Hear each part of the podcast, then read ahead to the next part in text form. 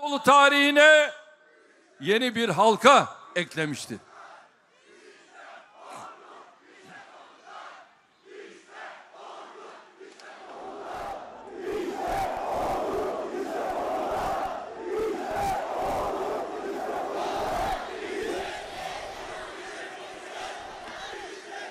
Kardeşlerim, ilk değil, son devletimiz, cumhuriyetimizin milli iradenin üstünlüğü temeli üzerinde payidar olacağını, 85 milyon hep birlikte 15 Temmuz gecesi dosta, düşmana bir kez daha ispatladık. Cumhur İttifakı olarak bu mücadeleyi o gece nasıl ispatladıysak şunu bilelim ki bundan sonraki süreçte de aynen ispatlamaya devam edeceğiz.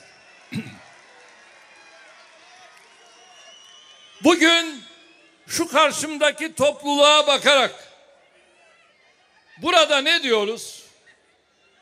Türkiye aşkına bir kez daha ya Allah, Bismillah, Allahu Ekber diyerek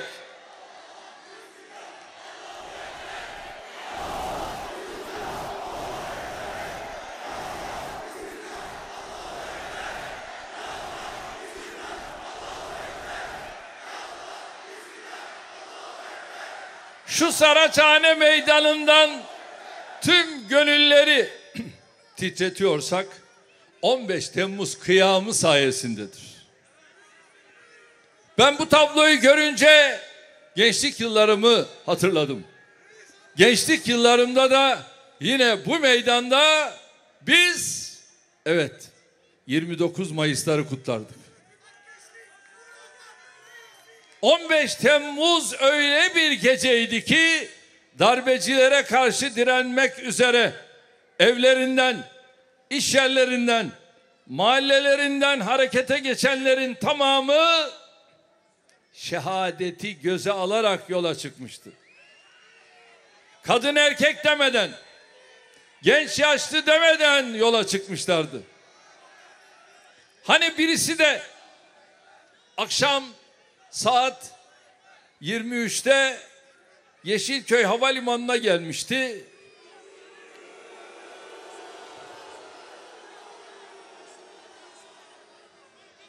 Haberim olsaydı ben de beklerdim diye haber veriyor. Ve FETÖ'cülerin kontrolü altında, nezareti altında oradan nereye gidiyor? Bakırköy Belediyesi'ne gidiyor. Ve orada televizyon karşısında kahvesini yudumlarken evet biz de havalimanına iniyoruz. Kaçta? Saat biri birkaç dakika geçe. Ama orada on binler vardı. Vardın. On binler oradaydı. Kadın erkek, genç yaşlı oradaydı. Allah sizlerden razı olsun. Sizin ferasetiniz, sizin belagatınız, Cumhur İttifakı olarak oradaki buluşmanız işte bunların çanına ot tıkadı. Ve ne oldu? Fazla sürmedi. Hemen kaçıp gittiler. Zafer inananlarındır dedik ve oradan elhamdülillah zaferle çıktık. Bu sadece İstanbul'da olmadı. Ankara'da da böyle oldu. Her ne kadar şehitlerimiz oldu ama o şehitler şüheda fışkıracak toprağı sıksan şüheda canı cananı bütün varımı alsın da hüda etmesin tek vatanımdan beni dünyada cüda diyenler kazandı.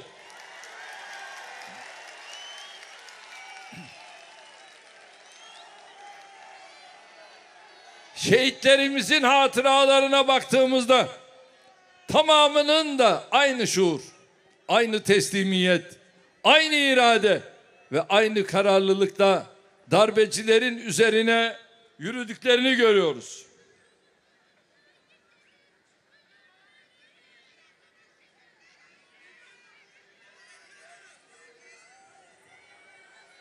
Değerli kardeşlerim, şu anda biz buradan konuşuyoruz. Ama aynı anda şu anda Ankara'da da Kızılay başta olmak üzere ülke genelinde şu törenler yapılıyor. Çünkü kalpler aynı anda atıyor. İşte bu buluşmanın adı nedir? Cumhur İttifakı. Ve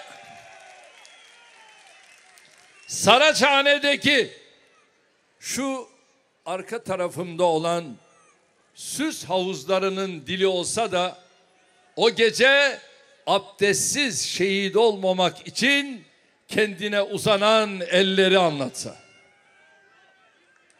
Boğaziçi Köprüsü'nün direklerinin dili olsa da darbecilerin ölüm kusan namlularının üzerine gül bahçesine girer gibi atılan yiğitlerin kahramanlığını anlatsa. Ankara'daki Türkiye Büyük Millet Meclisi'nin dili olsa da üzerlerine bomba yağarken milletin vekillerinin sizlerin emanetine nasıl sahip çıktıklarını, ölüme nasıl meydan okuduklarını anlatsa. Genelkurmay Başkanlığı binasının taş duvarlarının dili olsa da darbeciler tankla, helikopterle, tüfekle sürekli üzerlerine ateş ederken milletin asil evlatlarının onların karşısında nasıl korkusuzca durduğunu anlatsa. Gölbaşı Özel Harekat Başkanlığı bahçesinin dili olsa da darbeciler tarafından alçakça bombalanan kahraman polislerimizin yüreklerindeki cesareti ve imanı anlatsa. Her karışı şehit kanlarıyla yoğrulmuş şu vatan topraklarının dili olsa da üzerinde yaşayan milyonların gözlerini kırpmadan sabaha kadar nasıl dua ettiklerini anlatsa. Ülkemizin şehirlerindeki meydanların dili olsa da 27 gün süren demokrasi nöbetlerinde bir milletin istiklaline ve istikbaline nasıl dört elle sahip çıktığını anlatsa. Velhasıl 15 Temmuz'la ilgili anlatılacak o kadar çok şey var ki en adil hakem ve en güzel hafızı olan tarih hepsini de hakkıyla kaydedecektir. Bizler tarihi yazan değil, yaşayan insanlar olarak elbette bu muhasebede hakkımıza düşen yerde duracak, hakkımızda verilen hükme rıza göstereceğiz. Bununla kalmayacak.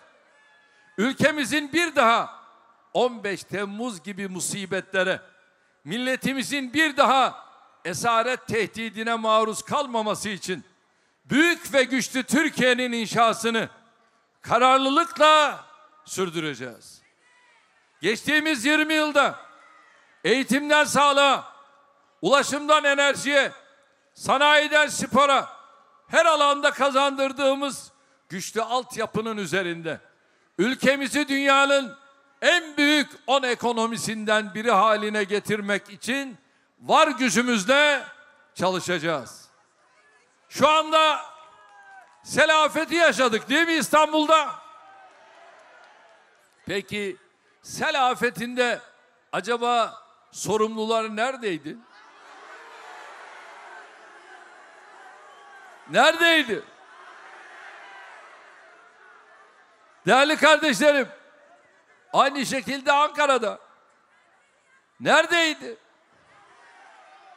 Kardeşlerim, bunların hesabını 2023'te sandıklarda sormaya var mıyız?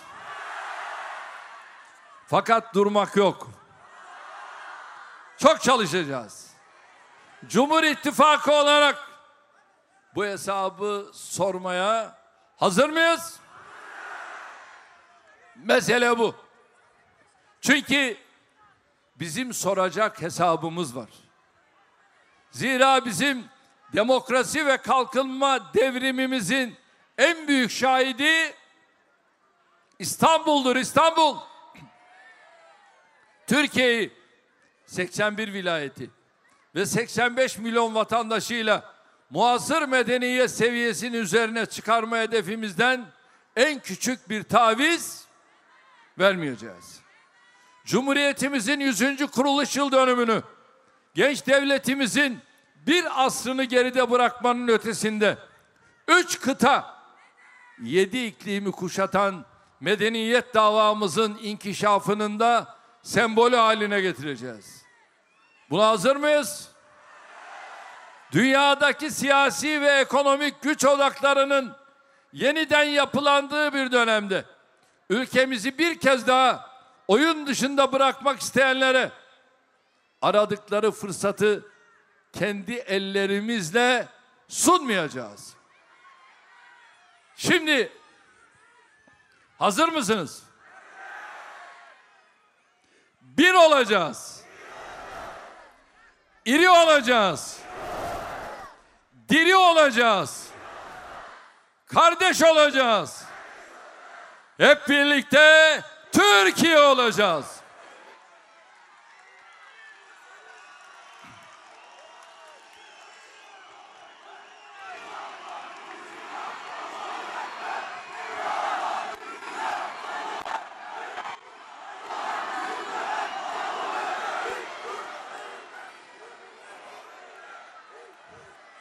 Kardeşlerim, inşallah 2023 imtihanını da başarıyla vererek bu kutlu menzile doğru yolumuza devam edeceğiz.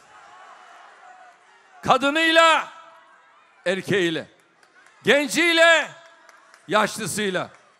Ben sizin bu imanınıza, bu inancınıza, bu kararlılığınıza güveniyorum. Rabbim bizleri bu yolda daim eylesin. Bunun için şimdi öyle bir ses verelim ki doğudan batıya, kuzeyden güneye dünyada duymayan kimse kalmasın. Sadece duymakla kalmasınlar. Dostlarımız sevinçten, düşmanlarımız korkudan tüm hücreleriyle titresinler. Evet. Rabia'mız için hazır mıyız?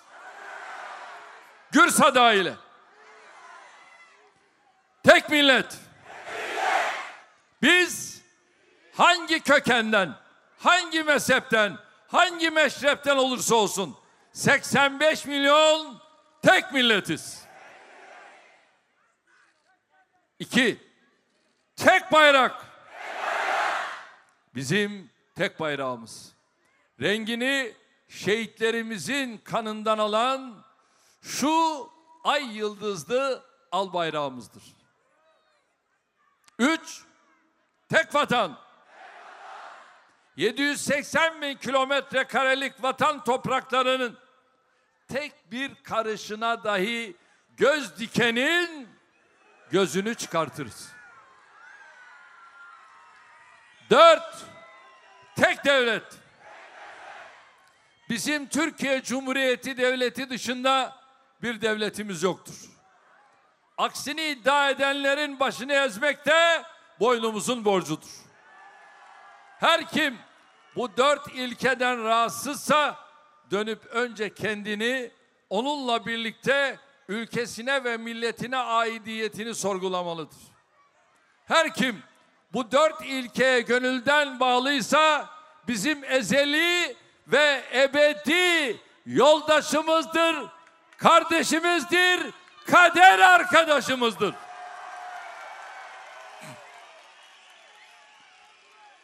İşte 15 Temmuz gecesi gördük ki son sözü top tüfek değil, iman belirler. Yürek belirler inanç belirler. 15 Temmuz gecesi gördük ki güneş batınca üzerimize çöken karanlığın hükmü ertesi sabah yeniden güneş doğana kadardır. 15 Temmuz gecesi gördük ki yuları gavurun elinde olan hainin büründüğü kisve ne olursa olsun gün doğduğunda gerçek yüzü mutlaka ortaya çıkmaktadır.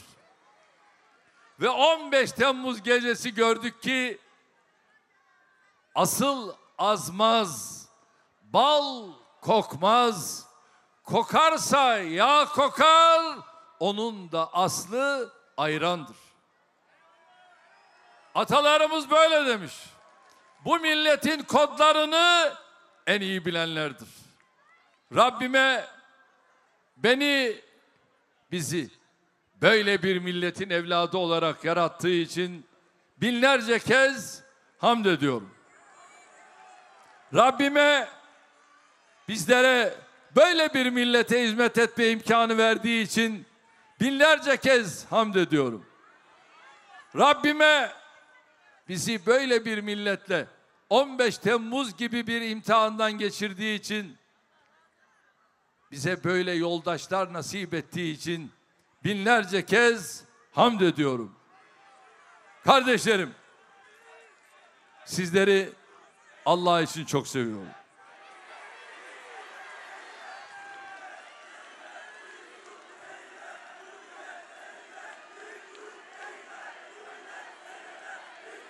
Hiç endişeniz olmasın. Dik durduk, dik duracağız. Ama dikleşmeyeceğiz. Türkiye'nin demokrasi ve kalkınma mücadelesinde öyle dönemler vardır ki bunları asla unutmamalıyız.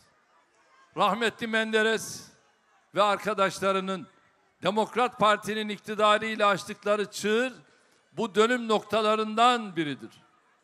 Aynı şekilde rahmetli Özal'ın 12 Eylül'ün ardından ülkemize kendi deyimiyle çağ atlatmak için başlattığı hamle bu dönüm noktalarından biridir.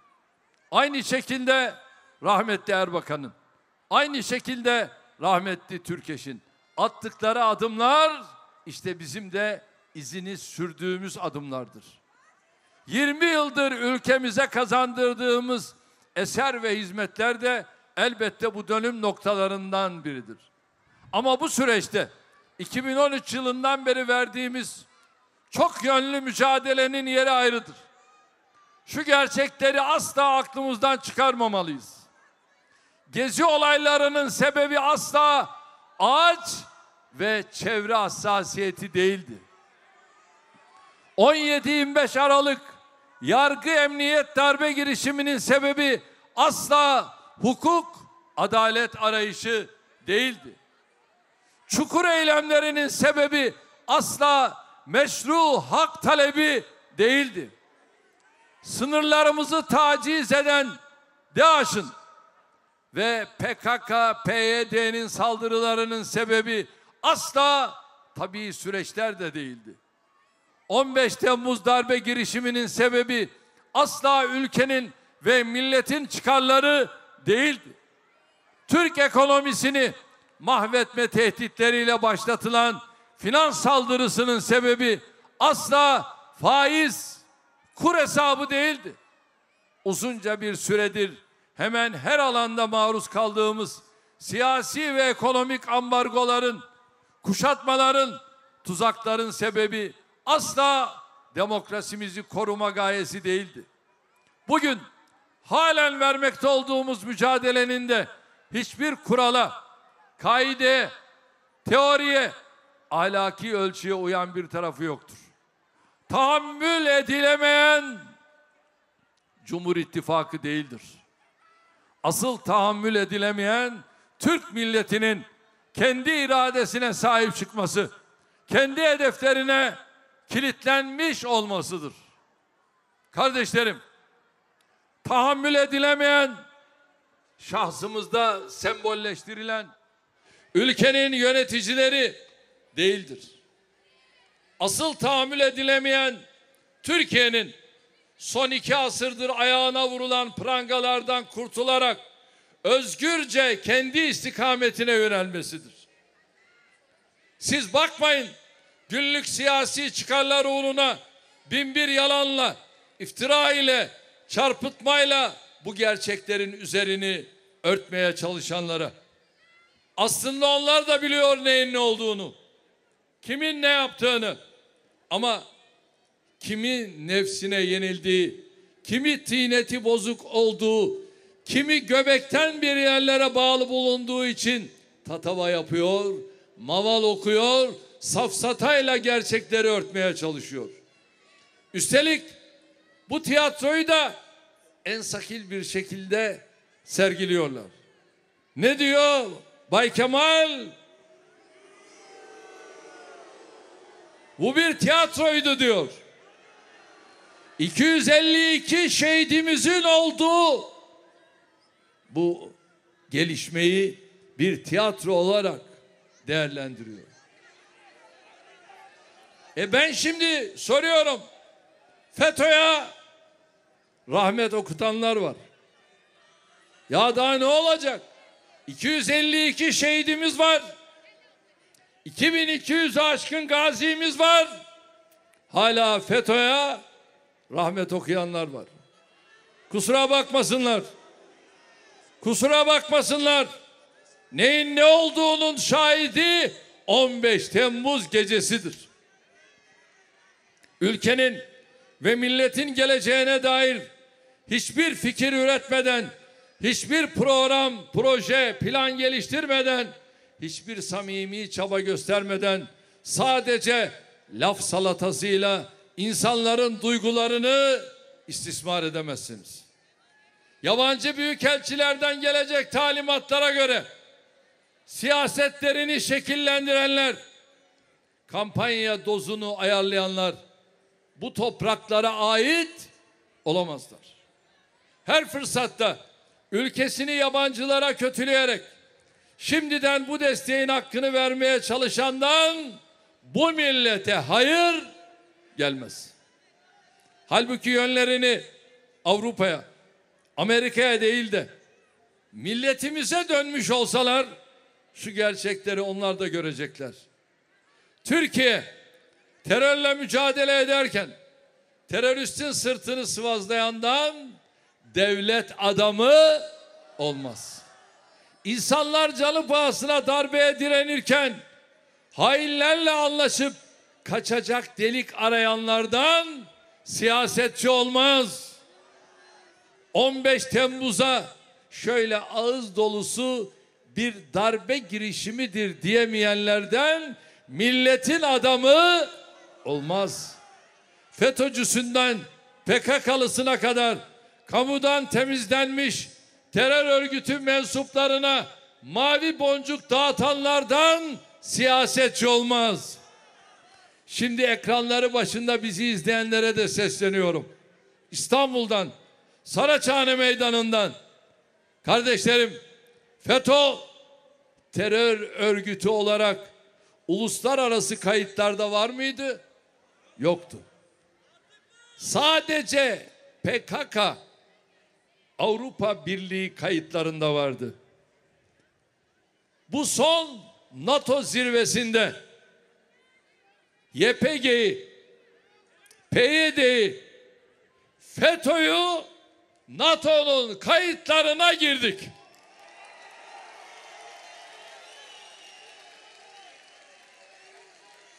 Dedik ki bu bizim kırmızı çizgimizdir. FETÖ'yü buraya terör örgütü olarak gireceksiniz. PYD'ye gireceksiniz, YPG'yi gireceksiniz. Aksi takdirde bizden olur alamazsınız. Ve girdiler. Olay bu. Ülkemizin güney sınırları boyunca kurmakta olduğu güvenlik koridorunu sabote edenlerden yerli ve milli şahsiyet çıkmaz. Bay Kemal işi gücü güneyde, sınır boylarında. Ekonomimize yönelik tehditler karşısında uygulamaya geçirdiğimiz programın hikmetini anlamaya çalışmayanlardan dirayet sahibi yönetici olmaz. Dünya siyasi ve ekonomik krizlerle, güvenlik tehditleriyle boğuşurken Türkiye'nin kendini konumlandırdığı güçlü yeri görmezden gelenlerden feraset beklenemez. Evet, yerli ve milli olmayanlardan bu ülkeye hayır gelmeyeceğini en iyi milletimiz bilir. Siz bilirsiniz, siz. Siz takdir edersiniz. Hiç şüphesiz bunları söylerken hakikatlere gözümüzü de kapamıyoruz. Yaşadığımız diğer sorunların, küresel ve bölgesel krizlerin olumsuzlukları elbette bizi de etkiliyor. Hayat pahalılığı başta olmak üzere elbette insanlarımızı sıkıntıya düşüren gelişmeler yaşıyoruz. Ama şundan emin olunuz ki omuzlarımıza binen hiçbir yük kalıcı değildir. Hiçbir sorunumuz çözümsüz değildir.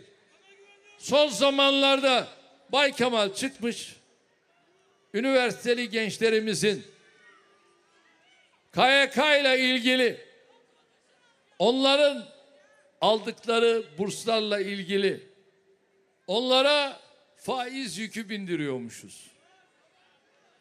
Ya faizin en büyük düşmanı biziz.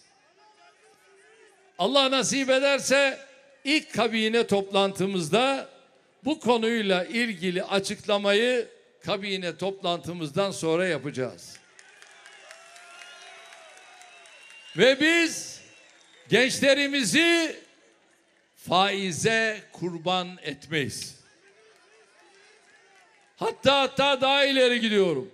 Enflasyona da kurban etmeyiz. Biz çalışmamızı yapıyoruz ve kabine toplantımızdan sonra da gerekli açıklamayı yapacağız. Milletimizin sıkıntılarını da, ülkemizin imkanlarını da en iyi biz biliyoruz. Bay Kemal biz. Ya göreve geldiğimiz zaman öğrencilerin aldığı burs neydi? 45 liracıktı Bay Kemal. Harç harç. Bu harcı kaldıran kimdi? Biz kaldırdık. Şu anda harç diye bir şey kaldı mı? Yok. Bir süre önce ekonomide önceliğimiz milletimizin işine aşına vererek kritik bir tercihte bulunduk. Hamdolsun bugün 31 milyona yaklaşan istihdamımızla, harıl harıl çalışan sanayimizle, yıllık 250 milyar dolara yaklaşan ihracatımızla kesintisiz büyüyen bir Türkiye fotoğrafıyla karşı karşıyayız. Küresel enerji ve emtia fiyatlarındaki dalgalanmalar duruldukça, enflasyonu kontrol altına aldıkça bu tablonun güzelliği daha da iyi anlaşılacaktır. Nasıl 15 Temmuz gecesi darbeci hainlerin heveslerini kursaklarında bıraktıysak, inşallah yakın bir gelecekte de ekonomik tetikçileri aynı akıbete duçar edeceğiz. Şimdi hazır olun. Yeter ki hedeflerimizden kopmayalım. Yeter ki elimizdekilerin kıymetini bilelim. Yeter ki kazanımlarımıza sahip çıkalım. Yeter ki bozguncuların oyunlarına gelmeyelim. Yeter ki çalışalım, çabalayalım, azmedelim, sabredelim.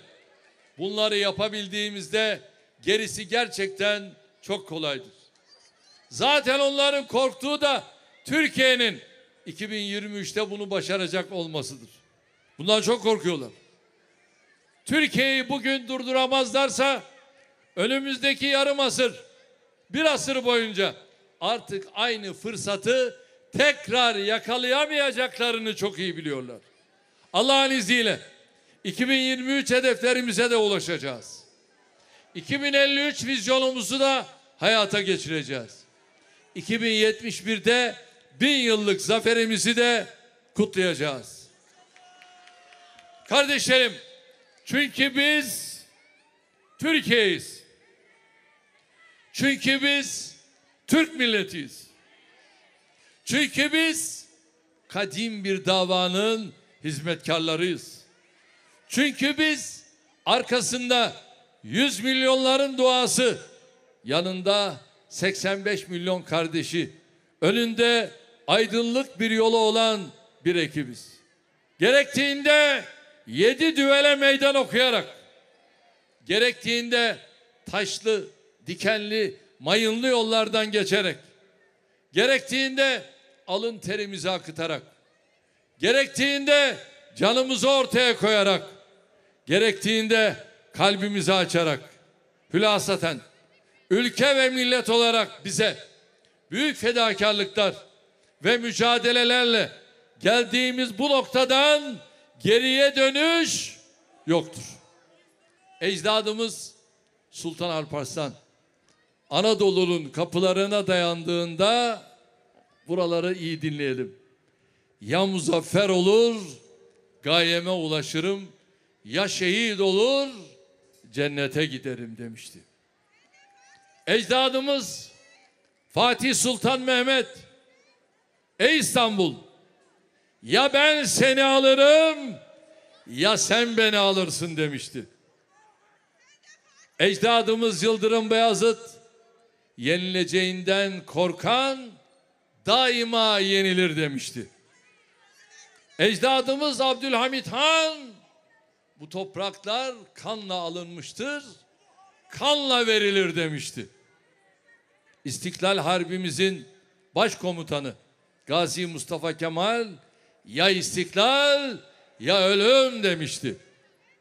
Biz de bugün burada büyük ve güçlü Türkiye'nin inşasını mutlaka tamamlayacağız diyoruz. Şehitlerimize haklarını ancak bu şekilde helal ettirebiliriz.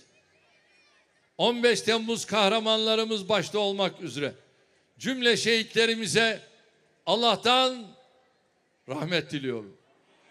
Fakat Cumhur İttifakı olarak sizler bu yaz mevsiminde bizi burada yalnız bırakmadınız.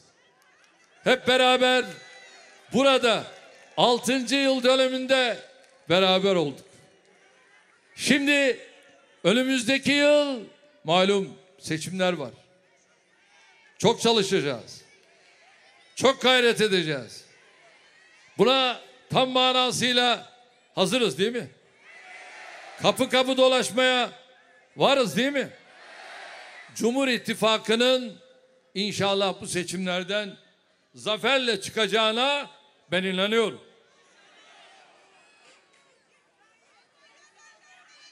Şimdi gelin şöyle Arif Nihat Asya ile beraber sözleri tamamlayalım. Hazır mısınız? Biz kısık sesleriz.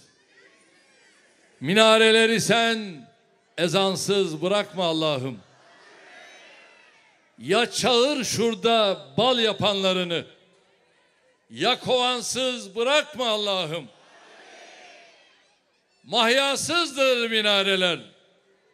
Göyde kehkeşansız bırakma Allah'ım. Müslümanlıkla yoğrulan yordu. Müslümansız bırakma Allah'ım. Bize güç ver. Cihat meydanını pehlivansız bırakma Allah'ım. Kahraman bekleyen yığınlarını kahramansız bırakma Allah'ım. Bilelim hasma karşı koymasını. Bizi cansız bırakma Allah'ım. Yarının yollarında yılları da Ramazansız bırakma Allah'ım. Ya dağıt kimsesiz kalan sürünü. Ya çobansız bırakma Allah'ım. Bizi sen sevgisiz, susuz, havasız ve vatansız bırakma Allah'ım. Müslümanlıkla yoğrulan yurdu. Müslümansız bırakma Allah'ım. Kalın sağlıcakla.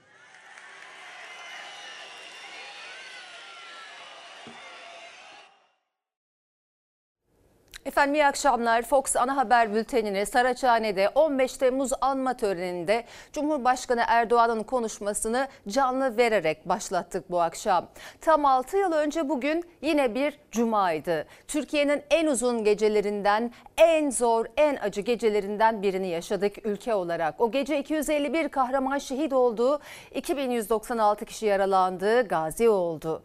Bir daha hiçbir zaman böyle bir gecenin yaşanmaması temennisiyle hain darbe girişiminin 6. yıl dönümünde şehitlerimize Allah'tan rahmet diliyoruz. Sayın seyirciler 15 Temmuz Demokrasi ve Milli Birlik Günü'nün 6. yıl dönümünde Türkiye'nin dört bir yanında da gün boyunca anma törenleri vardı. Darbe gecesinin kahraman şehitleri mezarları başında anıldı, duygu dolu anlar yaşandı. Bayraktan alırdı mücahitler hız Velhamdülillahi Rabbil alemin. Amin. Darbecilere karşı yürüttüğümüz destansı direnişle dosta ve düşmana Türkiye'nin asla esir edilemeyeceğini, Türk milletine asla diz çöktürülemeyeceğini gösterdik. Ankara, İstanbul, İzmir, Adana, Mardin. Havada, karada, denizde 15 Temmuz darbe girişiminin 6. yıl dönümünde Türkiye'nin dört bir yanında anma törenleri vardı. Kıyı Emniyeti Genel Müdürlüğü şehit ve gazilerin anısına İstanbul Boğazı'nda saygı seyri gerçekleştirdi. 7 deniz aracıyla yapılan görkemli seyir ve su gösterisi havadan böyle görüntülendi. Darbe girişiminin başladığı İstanbul'daki 15 Temmuz Şehitler Köprüsü ziyaretçi akınına uğradı. Ankara'da düzenlenen törenlerin adresi de ilk bombanın düştüğü Türkiye Büyük Millet Meclisi'ydi. Külliyenin konukları ise şehit yakınları ve aileleriyle gaziler oldu. Cumhurbaşkanı Erdoğan her yıl olduğu gibi darbe girişiminin gerçekleştiği 15 Temmuz günü ulusa seslendi. Şehitlere rahmet, gazilere minnet mesajıyla. Ülkemizin bir daha böyle bir tehdide maruz kalmaması için gereken tüm tedbirleri aldık. Almaya devam ediyoruz. Şehitlerimizin kanını yerde koymadık. Gazilerimizin karşısına boynumuz eğik çıkmadık. CHP lideri Kemal Kılıçdaroğlu da 15 Temmuz'un mesajını sosyal medya aracılığıyla paylaştı. 15 Temmuz 2016'da demokrasiye ve millete kasteden hain terör örgütünü lanetliyor, 251 şehidimizi rahmetle, gazilerimizi minnetle anıyorum. Sadece sonuçları konuşarak değil, ülkeyi bu noktaya getiren herkes hesap verdiğinde hak yerini bulmuş, adalet sağlanmış olacak. 15 Temmuz darbe girişiminin gecesinde en ağır saldırıların gerçekleştiği Özel Harekat Daire Başkanlığı'nda görevli 26 yaşındaki şehit ikiz kardeşler Ahmet ve Mehmet Oruç'un Adana'daki mezarlarının başında da tören vardı. Baba Hacı Ali Oruç gözyaşlarını tutamadı. makam bıraktılar bizlere. Hem onlara Allah sonsuz razı olsun. Tüm şehitlerimize Allah razı olsun. O babalardan biri de tek oğlunu Ankara Özel Harekat Daire Başkanlığı'na düzenlenen hain saldırıda kaybeden baba İsmail Yorulmaz'dı. Sözleri yürek dağladı. Kıyamıyordum tek oğlumu da buralarından öpüyordum billahi tillahi.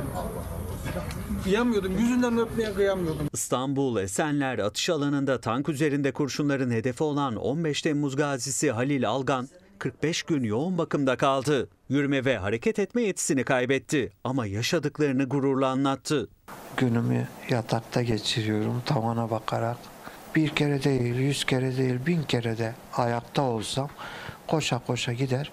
Tanka da atlarım, canımı da veririm, gazide olurum. 15 Temmuz'da 9 şehit veren sembol ilçe Kahraman mezarı başında anıldı şehitler. Edirne Kapı'da olduğu gibi törenler tüm yurt genelinde yapıldı. Şehit yakınlarının, ailelerinin acıları aradan geçen 6 yıla rağmen ilk günkü gibiydi. Ama kayıplarına, tüm acılarına rağmen gururluydu aileler. Hepsinin mesajı ortaktı. Haftadan üç günü buradayım. Benim artık bütün mekanım burası. Allah'ım kimseye hiçbir anne evlat acısını yaşatmasın ama Allah'ım bu vatana hainlik yapanları da kahr perişan etsin. Şehit annesi olmak da bana bir gurur vesilesi. Gururla taşırım bu unvanı. Ne diyeceğiz? Vatanımız sağ olsun, bayrağımız dalgalansın. O kara geceyi aydınlığa çıkaranlardan biri de Bordo Bereli Assubay Ömer Halis Demir'di. Komutanından aldığı emri gözünü kırpmadan uyguladı. Darbeci generali öldürdü sonra şehit düştü. Ömer Halis Demir'in Niğde'de bulunan kabri şehit edilişinin 6. yılında binlerce kişi tarafından ziyaret edildi.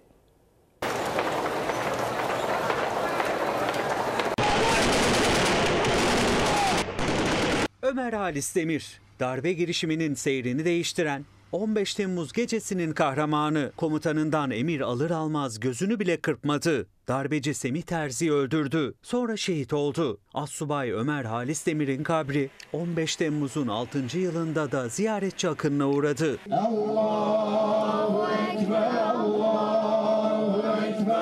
Ömer Halis Demir için yani böyle birisi bir daha gelemez. Çok kahraman birisi. Vatan için canını feda etti. Yani gurur duyuyoruz onunla. Kendimi tutamaz haldeyim. 15 Temmuz 2016 akşam saatleri Ankara'daki Özel Kuvvetler Komutanlığı'nda görevli Bordo Bereli Koruma Subayı Ömer Halis Demir komutanıyla telefonda konuştu. Komutanı ona şehadet emri verdi. Darbeci General Semih Terzi'yi vurmasını istedi. O bu emri bir an bile düşünmeden yerine getirdi. Sonra şehit edildi. Tarihe darbenin seyrini değiştiren isim olarak yazıldı. Ben çok istedim 6 sene oldu gelmeyi. Kısmet bugüneymiş. Allah'a çok şükür. Mekanı cennet olsun. Ağlamakta kendimi zor tutuyorum. Böyle yiğitler oldukça bizim sırtımız yere gelmez. 15 Temmuz'un sembol ismi olan kahraman Ömer Halis Demir hiç unutulmadı. O kara gecenin yıl dönümünde kabri bir an boş kalmadı. Şehit babaları da oradaydı. Kendi evladım da şehit oldu. Bu vatan için şehit oldular. Ondan bir nevi kuruldayız yani. Bu vatanı her zaman birileri koruyacak. O da evlatlarımız korudu. Buradaki hisleri anlatmak mümkün değil. Şu anda da konuşurken de duygularıma e, şu an hakim olamıyorum gerçekten. Ömer Halis Demir bugün bir taneyle öldü. Arkasında binlerce var. Birçok aile çocuklarına kahraman Ömer Halis Demir'in adını koydu. O çocuklar büyüdü. Aileleriyle şehit Halis Demir'in kabrini ziyaret etti. Oğlum darbeden bir ay sonra doğdu. Adını Ömer Halis koyduk. İnşallah Ömer Halis Demir gibi bir kahraman olur. Cumhurbaşkanı Erdoğan 15 Temmuz mesajında enflasyona değindi ve bu badire 15 Temmuz'un devamı dedi. Muhalefet bu sözleri eleştirirken iflas uyarısı yaptı. Türkiye'nin risk primi 2008 krizinden bu yana ilk kez 900 puanı aştı. Küresel emtia fiyatlarındaki fahiş artışın hızlandırdığı enflasyon tüm dünyanın sorunudur. Bu türbülanstan da ilk çıkan ülkelerin başında geleceğiz. Böylece 15 Temmuz'un devamı olarak gördüğümüz bir badireyi daha geride bırakarak büyük ve güçlü Türkiye'nin inşası yolunda mücadeleye devam edeceğiz. Ekonomik yıkımın, ekonomik çöküşün temel sebebi 15 Temmuz değil.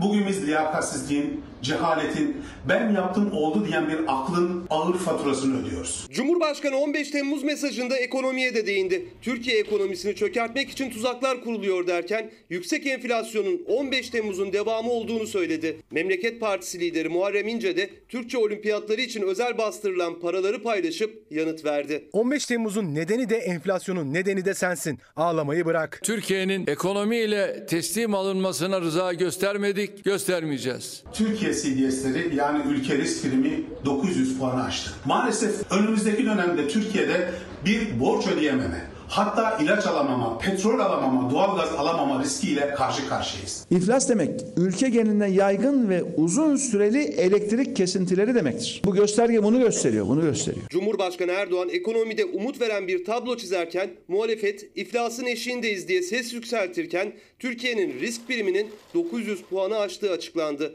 Geçtiğimiz ay risk primi 836 puan açıklandığında Deva Partisi lideri Ali Babacan da iflas uyarısı yapmış, iktidara seslenmişti. Bir kez daha o uyarısını tekrarladı. Bir aydır tedbir için haykırıyorum. Bu konuşmayı yapmamın üzerinden bir ay geçti. Bugün CDS 900'e ulaştı. Bu işin şakası yok. Hükümete bir kere daha sesleniyorum. Derhal tedbir alın. Elbette en büyük etkisini hayat pahalılığı olarak hissettiğimiz sıkıntılarda yaşadık. Bu sıkıntıları aşacak güce, kararlılığa sahibiz. Ben ve kurmaylarım aylardır ikinci bir kur dalgası ve iflas ihtimalini dillendiriyoruz. Her fırsatta bu liyakatsizlere ülkeyi petrol, doğalgaz, ilaç alamayacak duruma getireceksiniz diye haykırıyoruz. Artık gerçek bir kırılma noktasındayız.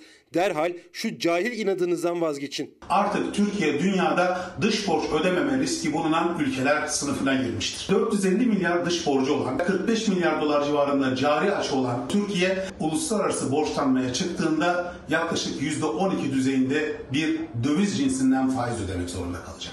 Risk puanı yükseldikçe kredi bulmak zorlaşırken alınan kredi içinde yüksek faiz ödeniyor. En son 2008 yılında yaşanan küresel krizde Türkiye'nin risk primi 900'ü görmüştü. 14 yıl aradan sonra yine aynı seviyelerde. Muhalefet iflas uyarısı yaparken ekonomi yönetimini hedef alırken Merkez Bankası Başkanı Şahap Kavcıoğlu da memleketi Bayburt'taydı. Esnaf ziyaretine çıktı ama ekonomik tabloya ilişkin konuşmadı. Efendim Cumhurbaşkanı'nın saat 19 gibi başlayan konuşması beklenenden uzun sürdü. Bize süremizin sonuna yaklaştık. Şimdi araya gidiyoruz. Efendim Fox ana haber bültenini burada noktalıyoruz. Fox değil Türk sinemasıyla devam edecek. Eski köye yeni adetle iyi bir akşam geçirmenizi diliyoruz. Hafta sonunda Burak Birsan sizlerle birlikte olacak. Hoşçakalın. Her köşesi cennetin ezeli